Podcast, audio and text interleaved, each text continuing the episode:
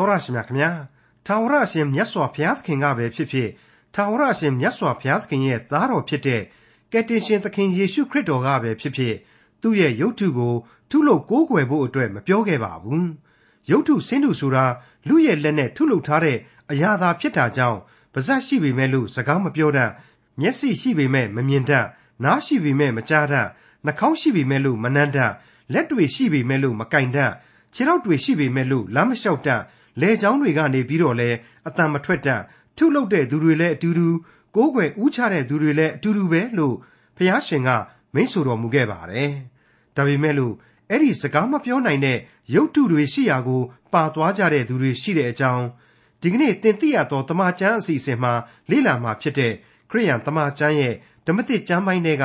ကောရိန္သုဩဝါဒစာပထမဆုံးအခန်းကြီး7အခန်းငယ်1ကနေအခန်းငယ်7အထိမှာ တွေ့ရမှာဖြစ်ပါတယ်။လူချင်းတူပေမဲ့လို့တတ်သိနားလည်မှုတွေစွမ်းဆောင်နိုင်စွမ်းရှိမှုတွေစတဲ့အရာတွေမှာတူးနဲ့တူးမတူညီကြဘူးဆိုတာကိုလည်းအထင်ရှားတွေ့မြင်ရမှာဖြစ်တဲ့ကောရိန္သုဩဝါဒစာ ပထမဆုံးအခန်းကြီး7အခန်းငယ်1ကနေအခန်းငယ်7အထိကိုဒေါက်တာထွန်းမြတ်အေးကအခုလိုသုံးသပ်တင်ပြထားပါတယ်။ကောရိန္သုဆိုတဲ့အရှုပ်တော်ပုံမြို့ကြီးစီက အရှုပ်တော်ပုံနေနဲ့ပြည့်နှက်နေခဲ့သောကနဦးအသင်းတော်ကြီးအကြောင်းတွေကိုတော့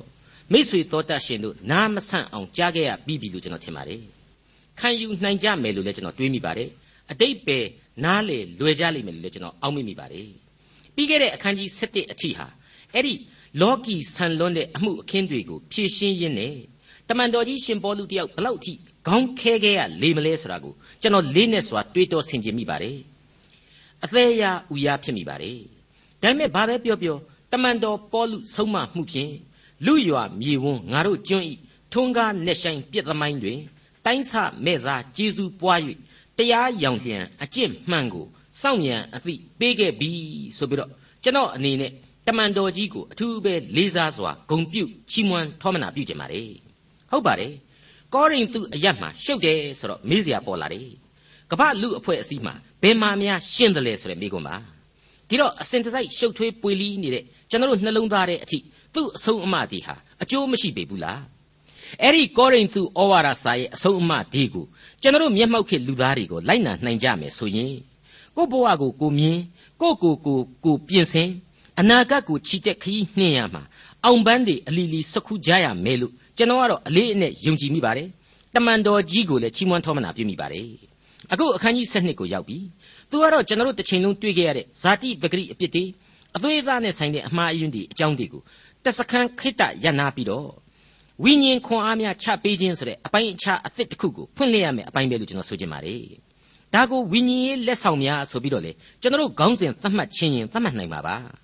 အဲ့ဒီဝိညာဉ်ရေးလက်ဆောင်တွေဟာ ဩဝါဒစာကြီးရဲ့ဏိဂုံးအထိတလျှောက်လုံးဖုံးလွှမ်းသွားမှာဖြစ်ပါတယ်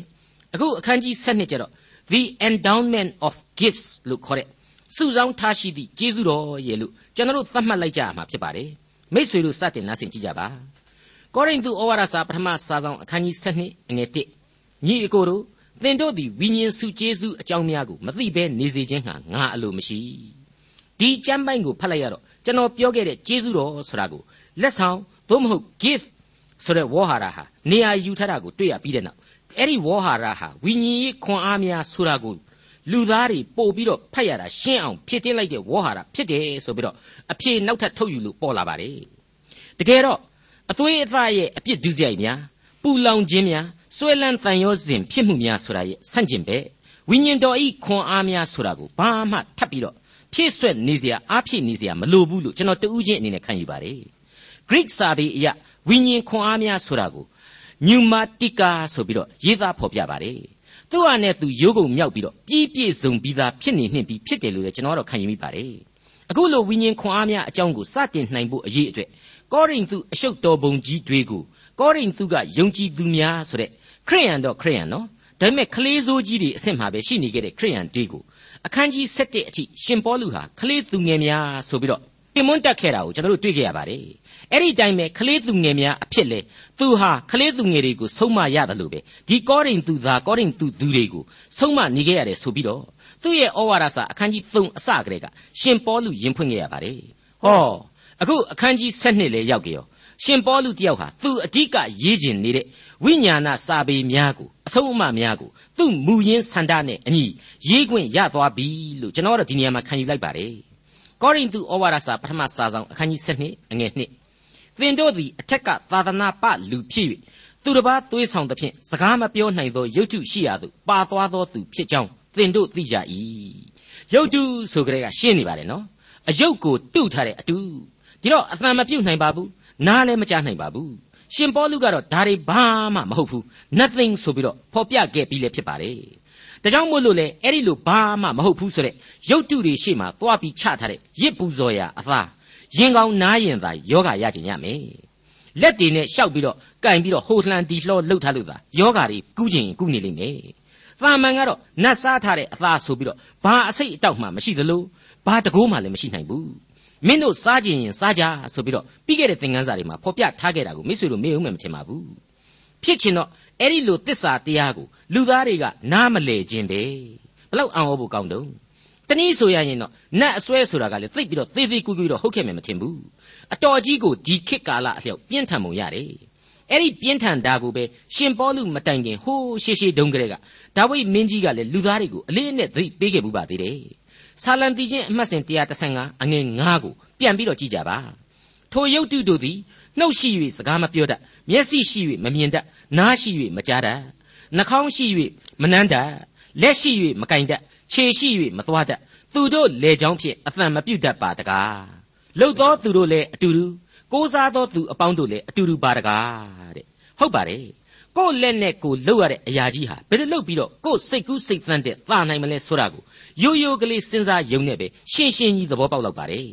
အဲ့ဒီအတိုင်းမှာပဲပရောဖက်ဟက်ဘက်ကုတ်ရဲ့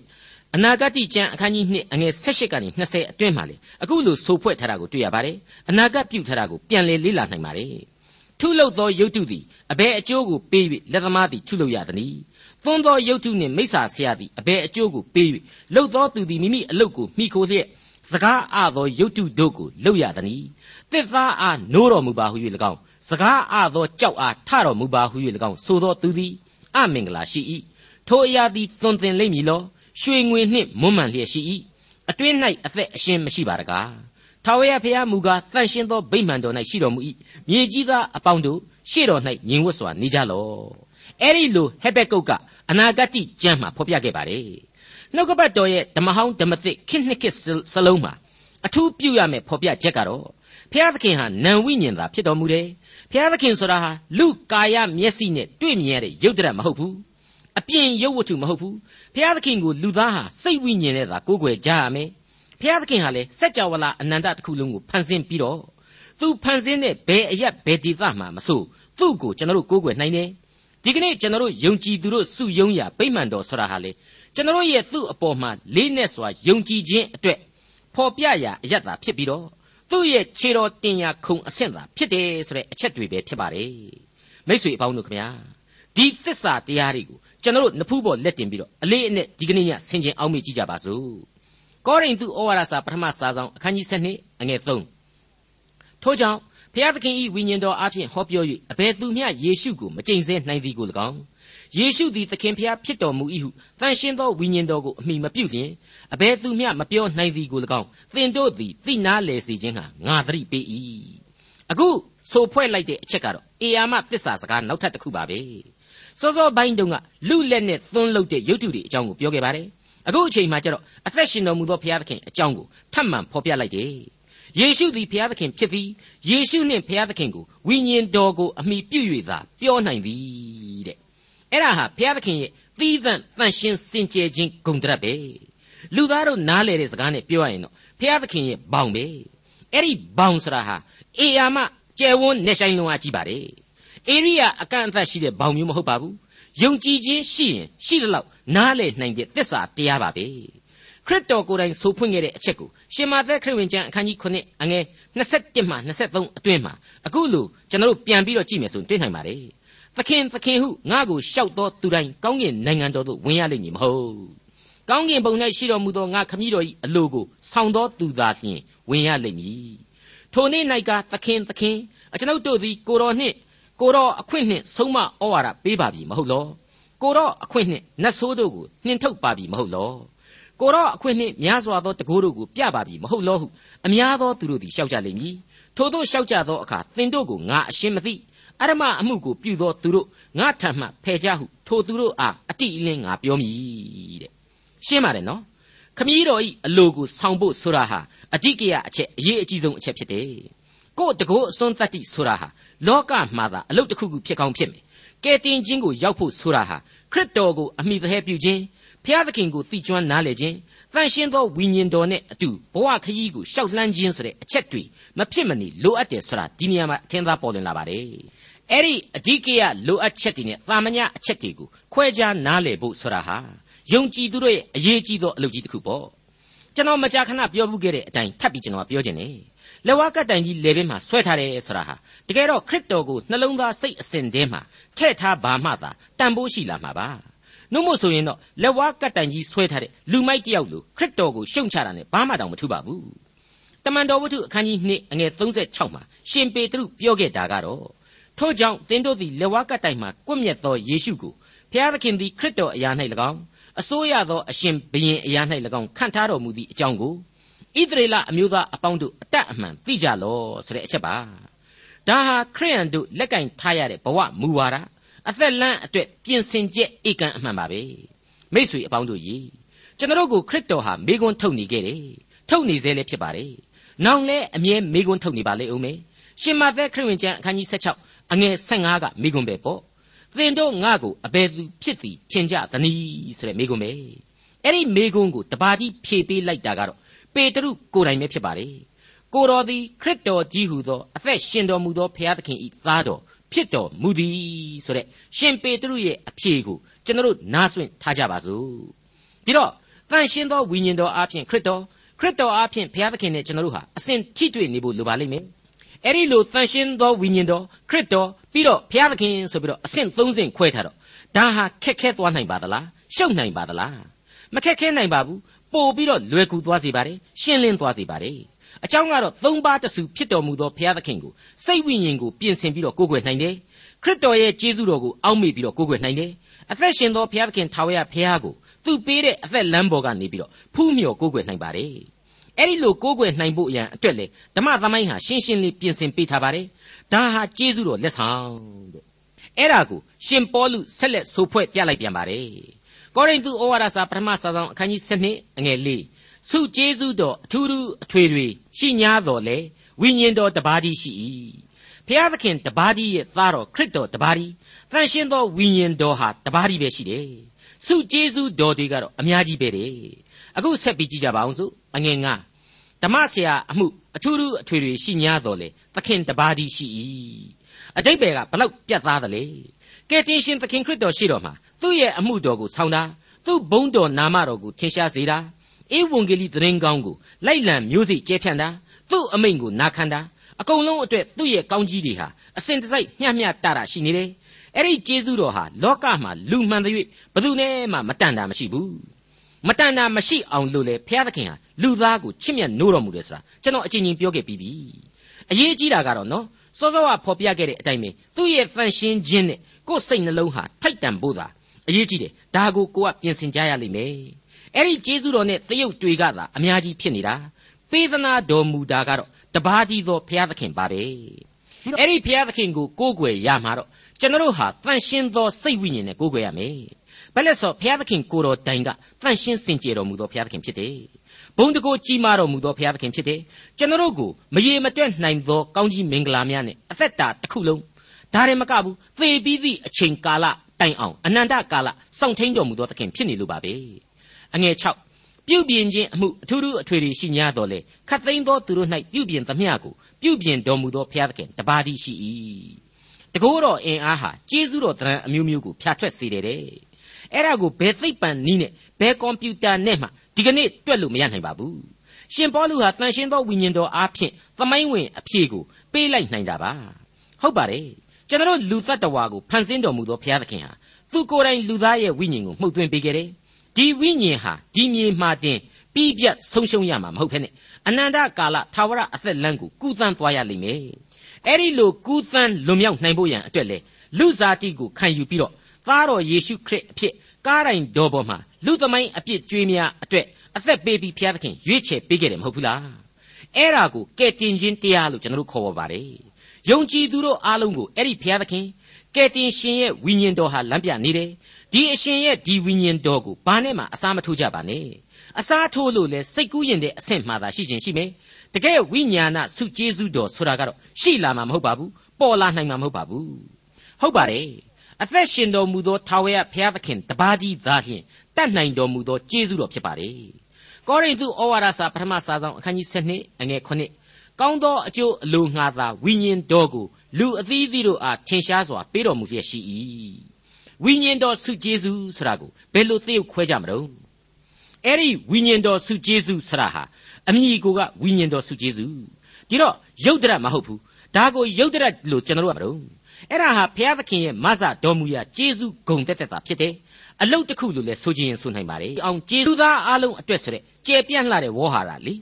အဲ့ဒီလိုဘုရားသခင်ကနေပြီးတော့လူအသီးသီးတို့ကိုပေးသနာတော်မူတဲ့ဝိညာဉ်တော်ဆုကျေးဇူးဆိုတာဟာအသင်းတော်ရဲ့အခြေခံပါပဲ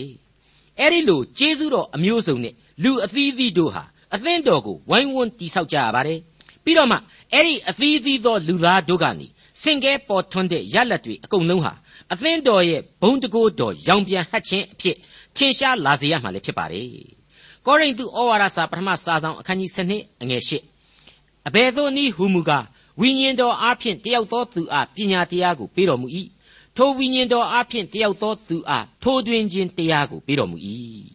ဒီအပိုင်းဟာမတူညီတဲ့အချက်နှစ်ခုကိုဒွန်တွဲဖော်ပြထားပါတယ်ပညာတရားဆိုတာရဲ့ထိုးတွင်ခြင်းတရားဆိုတာရဲ့ဖြစ်ပါတယ်ပညာတရားဆိုတဲ့ wisdom ဆိုတာဟာအလွန်လေးနဲ့ပြီးတော့နှုတ်ကပတ်တော်ကိုဂဂနနနားလေဖို့ဆိုတဲ့အချက်ကိုဖော်ပြဖွင့်ဆိုနေပါတယ်အဲ့ဒါဟာလူတိုင်းတန်းတူရည်တူမဖြစ်နိုင်ပါဘူး မဖြစ်နိုင်လို့လေအခုသင်သိရသောသမာကျမ်းအပအဝင်ဟောပြောပို့ချမှုတွေသင်ကြားမှုအစီအစဉ်တွေနဲ့ကဘာတစ်ခုလုံးဝိုင်းဝိုင်းလဲနေပါတယ်တရွာတပုတ်ဆန်းဆိုသလိုလေဖြစ်တဲ့အပိုင်းကြီးမှာဖြစ်နေပါတယ်ဒါဟာပညာတရားမတူညီခြင်းရဲ့သဘောတရားပါထိုးတွင်ခြင်းတရားဆိုတာကတော့ပညာတရားလောက်အဆင့်မမြင့်ပါဘူးအင်္ဂလိပ်စာမှာ knowledge ဆိုပြီးတော့သုံးထားပါတယ်အဲ့ဒီထိုးတွင်ခြင်းဆိုတာဟာအဆင့်မမြင့်လို့ဆိုပြီးတော့ဝိညာဉ်စံချိန်ကြတော့ရှော့မတွက်ကြပါနဲ့တချို့တချို့သောပုံကိုယ်တွေဟာလေ နှုတ်ကပတ်တော်ကိုအသေးစိတ်မကျွန့်ကျင်ပါဘူးစူးစမ်းပေမဲ့ကျွန့်ကျွန့်ကျင်ကျင်ရှိမလာဘူးလို့ကျွန်တော်ဆိုလိုတာပါတနည်းအားဖြင့်ကတော့ပညာတရားပြည့်ဝမနေဘူးလို့ကျွန်တော်သတ်မှတ်ချင်ပါတယ်ဒါပေမဲ့ကယ်တင်ရှင်တရားကိုလေးနဲ့ဆွဲမြဲတဲ့နေရာမှာတော့သူများတဲ့သာနေတယ်အမြဲရင်ဝယ်ပိုက်ထားနိုင်တယ်အဲ့ဒီအခါမှာတော့ဒီပုဂ္ဂိုလ်ဟာအမှန်တကယ်ပဲအလိုအလျောက်ပညာတရားအဆင့်မြင့်စီးကိုတက်ရောက်လာရတယ်လို့ကျွန်တော်ဆိုချင်ပါတယ်မိ쇠အပေါင်းတို့ခမညာလောကအစွဲအလန်းတွေ အသွေးအသားဆွဲဆောင်မှုတွေနဲ့ပြည့်ဝနေတဲ့ကောရိန္သုလူအယတ်မှာ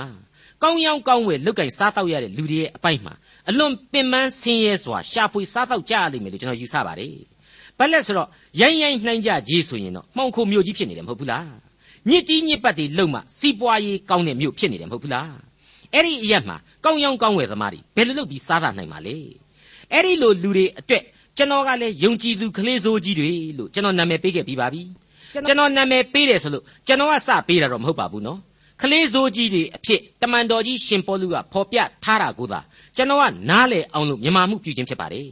အဲ့ဒီလိုလူအဖွဲ့အစည်းမှာပညာတရားအဆင့်မြင့်မြင့်အထိမတက်လှမ်းနိုင်တဲ့တိုင်အောင်ဘုရားသခင်ရဲ့ကျေးဇူးတော်ကိုထိုးတွင်းသောအသည့်တရားနဲ့ရင်ဝယ်ပိုက်နိုင်မယ်သိနားလည်နိုင်မယ်ဆိုရင်တောင်မှအလိုအလျောက်မြင့်မြတ်လာပြီလို့ကျွန်တော်အလေးအနက်တွေးဆဆင်ခြင်မိပါတယ် ကောရိန္သုဩဝါဒစာပထမစာဆောင်အခန်းကြီး7အငယ်9ထိုဝိညာဉ်တော်အဖျင်တယောက်သောသူအားယုံကြည်ခြင်းကိုပေးတော်မူ၏ထိုဝိညာဉ်တော်အဖျင်တယောက်သောသူအားအနာရောဂါကိုငြိမ့်စေနိုင်သောအခွင့်ကိုပေးတော်မူ၏ကျွန်တော်ခရိယန်တွေဟာယုံကြည်ခြင်းဆိုတာကိုအလွန်တရာတန်ဖိုးထားရကြပါတယ်အဲ့ဒါကြောင့်လဲယုံကြည်ခြင်းအားကြီးမားတယ်ဟိဘိုးဘေးတို့ယုံကြည်ခြင်းကိုဒီလူကတော့မှီအောင်လိုက်နိုင်တယ်ဟိစတဲ့စတဲ့ယုံကြည်ခြင်းအကြောင်းအရာတွေကိုအလွန်ကျွန်တော်တို့ဂရင်းတွေ့ကြပါတယ်ပြောရဆိုရကြပါတယ် အခုနှုတ်ကပတ်တော်အတိုင်းဆိုရင်အဲ့ဒီလိုယုံကြည်ခြင်းဆိုတာကိုတောင်မှဝိညာဉ်တော်ဟာစုကျေးဇူးအဖြစ်ပေးတယ်ဆိုတာကိုတွေ့လာရပြန်ပါပြီဒီတော့ရှင်းနေတဲ့အချက်အဖြစ်ဝိညာဉ်တော်ကိုအာမကိုဘဲနဲ့ယုံကြည်ခြင်းစုကျေးဇူးဆိုတာဟာလေပေါ်မလာနိုင်ဘူးဆိုတာကိုကျွန်တော်တို့တွက်ဆလို့ရလာပါတယ်နောက်တစ်ခုကတော့အခုဖော်ပြတဲ့ယုံကြည်ခြင်းဆိုတာဟာလောကအမြင်ယုံကြည်ခြင်းလဲပါဝင်လိမ့်မယ်ဆိုတဲ့အချက်ပါဥပမာအားဖြင့်ဘုရားသခင်ကိုယုံကြည်တာကယုံကြည်တာတခြား အကောင်းဘက်ကနေပြီးတော့ကောင်းကြီးမင်္ဂလာတွေဆင့်သက်ခံစားရမယ်ဆိုတာကိုမယုံကြည်နိုင်လွန်းတဲ့အခါကျတော့အဆိုးမြင်ဝါဒတစ်ခုအဖြစ်ယင်ထဲမှာပေါ်ထွန်းလာတတ်တယ်လောကနဲ့သက်ဆိုင်တဲ့ယုံကြည်ခြင်းလျော့ပါတဲ့စိတ်ဓာတ်ပဲပေါ့အဲ့ဒီလိုအရာရာမှာအနှုတ်လက္ခဏာဘက်ကများများတွေးတောတတ်ခြင်းကိုလေဘုရားသခင်မကြိုက်ပါဘူးသူ့ကိုအကျွင့်မဲ့အနှံမထားနိုင်တဲ့စိတ်ဓာတ်အလိုတော်ကိုကြိုတင်ပြီးတော့ညှင်းပယ်ရတဲ့စိတ်ဓာတ်မျိုးလိုဖြစ်နေတယ်လို့ကျွန်တော်ခံယူမိပါတယ်ကျွန်တော်အပေါင်းအသင်းတယောက်ဟာဘုရားသခင်ကိုအလွန်ချစ်ပါတယ် ယုံကြည်ခြင်းလည်းအယံကြီးမားပါတယ်ဒါပေမဲ့သူ့ရဲ့အားနည်းချက်ဟာဘာဖြစ်နေတယ်လဲဆိုတော့အသင်းတော်အပေါ်မှာဘယ်တော့မှအကောင်းမမြင်တတ်မှုပါပဲလူငယ်ခေါင်းဆောင်တွေအပေါ်မှာလည်းအကောင်းမမြင်အသင်းတော်ကောင်စီပေါ်မှာလည်းအကောင်းမမြင်နောက်ဆုံးကုံကုံပြောရရင်သင်းအုပ်ဆရာတော်အပေါ်မှာတောင်မှအကောင်းမမြင်လေတော့ဥပုပ်နဲ့စီဝေးတက်ပြီးတိုင်းမှာသူခမရမှာသူများမကောင်းကြောင်းတွေပဲတွေးပြီးတော့အလိုအလျောက်အပြစ်တွေများနေရပါတယ်အဲ့ဒီတော့ဒီအားနည်းချက်ဟာလောကအမြင်ယုံကြည်ခြင်းအားနည်းချက်ကနေပြီးတော့ ဝိညာဉ်ရေးမှာပါလာရောက်ထိခိုက်စေတယ်လို့ကျွန်တော်တို့သေချာအကဲဖြတ်လို့ရတယ်သူဟာသူ့အိမ်နဲ့ဂဲတပြည့်လောက်မှာရှိတဲ့အသင်းတော်ကြီးကနေပြီးတော့နှစ်မိုင်လောက်ဝေးကွာတဲ့အသင်းတော်ကိုသွားပြီးတော့တက်ရတယ်ဘာဖြစ်လဲဆိုတော့သူ့အိမ်သားအသင်းတော်ကိုသူ့အမြင်မကြည့်ဘူးလေအပြစ်ပဲမြင်နေတယ်လေ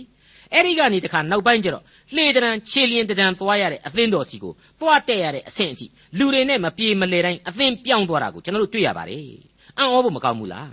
အဲ့ဒီကျွန်တော်တန်ငယ်ချင်းဟာလေနောက်ဆုံးကျတော့ TV နာဖြစ်လို့အဆုတ်နာဖြစ်လို့တောအသင်းတော်ကိုလည်းမသွားနိုင်တော့မှအိမ်နာကအသင်းတော်ကိုပဲကျွန်တော်ကပဲပြန်ပြီးတော့ကြားရရဆက်သွဲသူ့ကိုစီးယုံပြီးတော့အဲ့ဒီအသင်းတော်မှာပြန်ပြီးတော့တက်ခိုင်းရတဲ့ဘဝကိုရောက်သွားပါတယ်သင်းဥဆရာခမရမှာလေသူ့ကြောက်တာနဲ့စကားပြောတာကအစအတော်ကြီးကိုစင်ကျင်ရရှာတာကိုကျွန်တော်ကတွေ့ရတော့ကောင်းကြီးမင်္ဂလာတွေထဲမှာလောကအမြင်ယုံကြည်ခြင်းအပြည့်ဝဖို့ဆိုတာဟာလေအရေးတကြီးလိုအပ်ချက်တစ်ခုဖြစ်တယ်ဆိုတာသဘောပေါက်နားလည်လာရပါတယ်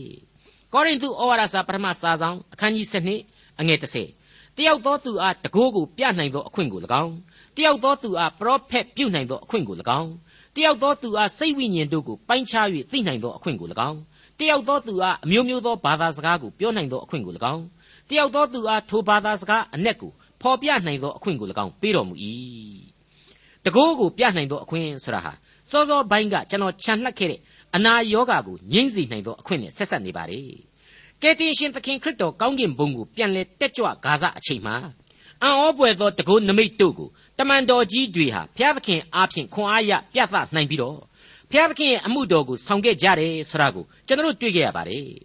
အထူးအခွင့်အရေးကြီးပေါ့အဲ့ဒီအထူးအခွင့်အရေးကြီးနဲ့တမန်တော်ကြီးတွေဟာယောဂါတွေကိုကုခဲ့တာသေသူတွေကိုတောင်မှပြန်လဲရှင်သန်စေခဲ့တယ်ဆိုတာကိုတမန်ကျမ်းစာမှာအခိုင်အမာကျွန်တော်တို့တွေ့ခဲ့ရပြီးဖြစ်ပါတယ်ဒီကနေ့ဒီအချိန်မှာတော့ အဲ့ဒီလိုအထူးအခွင့်အရေးဆိုတာဟာရှားပါသွားပြီလို့ကျွန်တော်ဆိုချင်ပါတယ်ဘာဖြစ်လို့ကျွန်တော်ကဒီလိုပြောရတယ်လဲဆိုရင်အဲ့ဒီလိုအထူးအခွင့်အရေးဖြစ်တဲ့မျက်လက်ဆန်တဲ့တကိုးတော်တည်တဲ့ပို့ပြီးတော့အသက်ဝင်တဲ့နဲ့နဲတဲ့တကိုးတော်များဟာဓမ္မဟောင်းဓမ္မသစ်ကြံများတဲမှာရှိနေပြီးသားဖြစ်လို့ပါပဲဘာပဲပြောပြောတန်ရှင်းသောဝိညာဉ်တော်အဖြစ်မတတ်ဆွနိုင်ဘူးဆိုတာဟာတော့မရှိဘူးဆိုတာကိုကျွန်တော်ညင်းလို့မရပါဘူးဖျားသခင်ကိုအကျွင့်မဲ့ယုံကြည်ဆက်ကပ်ပါနှလုံးထဲမှာ နှလုံးသားထဲမှာတန်ရှင်းသောဝိညာဉ်တော်ခွန်အားကိုဖြည့်ဆည်းပါဖျားသခင်ရဲ့အလိုတော်ကိုဝန်ခံပြီးတဲ့နောက်အသနာခံဆုတောင်းလျှောက်ကြည့်ကြပါနှုတ်နဲ့မပီးပြင်းတယ်လို့စာနဲ့မတီထွင်နိုင်လောက်တဲ့ထူးမြတ်သောဆုကျေးဇူးတော်တို့ကိုလူသားတို့ကြံစီ၍မမိနိုင်အောင်မလွဲမသွေခန်းစားကြရလိမ့်မယ်လို့ကျွန်တော်လေးနဲ့စွာဆိုချင်ပါတယ်စိတ်ဝိညာဉ်တွေကိုပိုင်းခြား၍သိနိုင်ခွင့်တဲ့ဒါကတော့စိတ်တဗေဒပညာရှင်ကိုဆိုလိုတာပါပဲအတွေးအခေါ်ကောင်းတာကိုပြောတာပါပဲ ပြီးတော့အမျော်အမြင်ရှိခြင်းဆိုတာဟာလည်းပါဝင်ပါလိမ့်မယ်ပြီးတဲ့နောက်မှာတော့ဘာသာစကားအမျိုးမျိုးကိုပြောတတ်တဲ့အခွင့်တဲ့ဘာသာပြန်ဆိုနားလည်နိုင်တဲ့အခွင့်တဲ့ရှေးခေတ်ရောမအင်ပါယာမှာကဘာအရရက်ကစကားတွေသုံးနှုံပြောဆိုကြတာတွေရှိနေသလိုဒီကနေ့20ရာစုသိပ္ပံခေတ်မှာလေဘာသာစကားအမျိုးမျိုးနဲ့အသင်းတော်တွေမှာပြောဆိုကြရပါတယ်ဘာတွေကိုပြောနေကြပါသလဲအရေးမရအဖတ်မရလောကကိစ္စတွေအကြောင်းလားအတင်းအဖျင်းတွေလားဟေလာဟာလာတွေလား အမှန်စင်စစ်ဘုရားသခင်ရဲ့ဘုန်းတော်အကြောင်းကိုသာပြောကြရပါလိမ့်မယ်ဘုန်းတော်ထင်ရှားဖို့အတွက်သာနှုတ်ကိုအသုံးပြုကြရပါလိမ့်မယ်ကဲတင်တော်မူခြင်းကျေးဇူးတရားအကြောင်းကိုသာကျွန်တော်ရဲ့ရှာများဟာဘာသာစကားအမျိုးမျိုးနဲ့ပြောကြရပါလိမ့်မယ်အဲ့ဒါဟာသာလျှင်ဧဝံဂေလိအလုတ်ကိုလှုပ်သောခရစ်တော်ဤအသင်းတော်တို့ရဲ့ခရစ်တော်ဤနောက်လိုက်များရဲ့အရေးအချင်းကောင်းပဲဖြစ်ပါတယ်ဟုတ်ပါတယ်ဓမ္မတိချင်းအမှတ်စဉ်360မှာနေလချိန်မှန်ပြေတော်ခရီးဆိုတဲ့ဓမ္မတိချင်းရှိပါတယ် တိုင်းရင်းဘာသာစကားအမြောက်အများနဲ့လည်းရှိမှာဖြစ်ပါတယ်အဲ့ဒီတိချင်းရဲ့အပိုက်သုံးပါဆိုရင်ဘာသာစကားအမျိုးမျိုးသည်မေတ္တာတော်ကိုချီးမွမ်းကြ၏သူငယ်များလဲဂုံကျေးဇူးတော်ကိုအသံချိုနှင့်အေကျူကြွေးကြော်ဆိုပြီးဖော်ပြထားပါတယ်မိษွေအပေါင်းတို့ဖျားသခင်အားဖြင့်ကျေးဇူးတော်ဆိုတာဟာဘယ်လို့မှစည်ရင်သွင်းလို့ပြည့်မီနိုင်ပွဲမရှိပါဘူးကိုယ့်ရဲ့စိတ်နှလုံးကိုပြင်ဆင်ပြီးတော့အသင်းတော်ကညီအကိုမောင်နှမတွေကြားတဲ့ကိုတိုးဝင်ပြီးတော့အဖြေရှာကြည့်ကြပါအကောင်းမြင်စိတ်ဓာတ်နဲ့အနှစ်သာရများကိုရှာဖွေကြည့်ကြပါ ကောရိန္သုဩဝါဒစာပထမစာဆောင်အခန်းကြီး7အငယ်7ဤအခွင့်ရှိသမျှတို့ကိုတပါးရီသောဝိညာဉ်တော်သည်ပြုပြင်၍လူအသီးသီးတို့အားအသီးသီးခံရသောအခွင့်ကိုအလိုတော်ရှိသည့်အတိုင်းဝေငှ၍ပေးတော်မူ၏ဝိညာဉ်တော်သည်ပြုပြင်ခြင်းဆိုတဲ့အချက်အရေးတကြီးပေါ်လာတယ်ကျေးဇူးမင်္ဂလာတွေဟာတော့တူပြိုင်ရွာချနေတဲ့မိုးဆက်မိုးပေါက်တွေလို့ဖြစ်တယ်နေချီနှုထွေးနဲ့လည်းနှိုင်းရှင်လို့ရနိုင်တယ်ဒါပေမဲ့ပြုပြင်ခြင်းဆိုတာကိုခံယူနိုင်သူနှလုံးသားတွေအတွက်သာလျှင် ဒီကျေးဇူးတော်ဟာထိရောက်နိုင်ခြင်းရှိပါလိမ့်မယ်နောက်တစ်ခုကတော့အလိုတော်တဲ့ဘုရားသခင်ကအရေးတကြီးဖော်ပြလိုက်ပြန်ပါတယ်အလိုတော်နဲ့အညီရှင်သန်သောဘဝတိုင်းအတွက်ကတော့ကယ်တင်ရှင်ကျေးဇူးတော်ကိုပြည့်ဝစေဖို့ရန်ဘုရားသခင်ရဲ့တန်ရှင်းသောဝိညာဉ်တော်ဟာအစဉ်တစိုက်ပြုပြင်အားဖြည့်သွားမှာဖြစ်တဲ့အကြောင်းလေးစားစွာတင်ပြလိုက်ပါရစေဒေါက်တာထွန်းမြတ်ရေးစီစဉ်တင်ဆက်တဲ့တင်ပြတော်တမချန်းအစီအစဉ်ဖြစ်ပါတယ်နောက်တစ်ချိန်အစီအစဉ်မှာခရိယန်တမချန်းဓမ္မသစ်ကျမ်းပိုင်းတွေက ကောရိန္သုဩဝါဒစာပထမဆုံးအခန်းကြီး7အခန်းငယ်7ကနေအခန်းငယ်31အထိကိုလေ့လာမှာဖြစ်တဲ့အတွက်စောင့်မျှော်နားဆင်နိုင်ပါတယ်။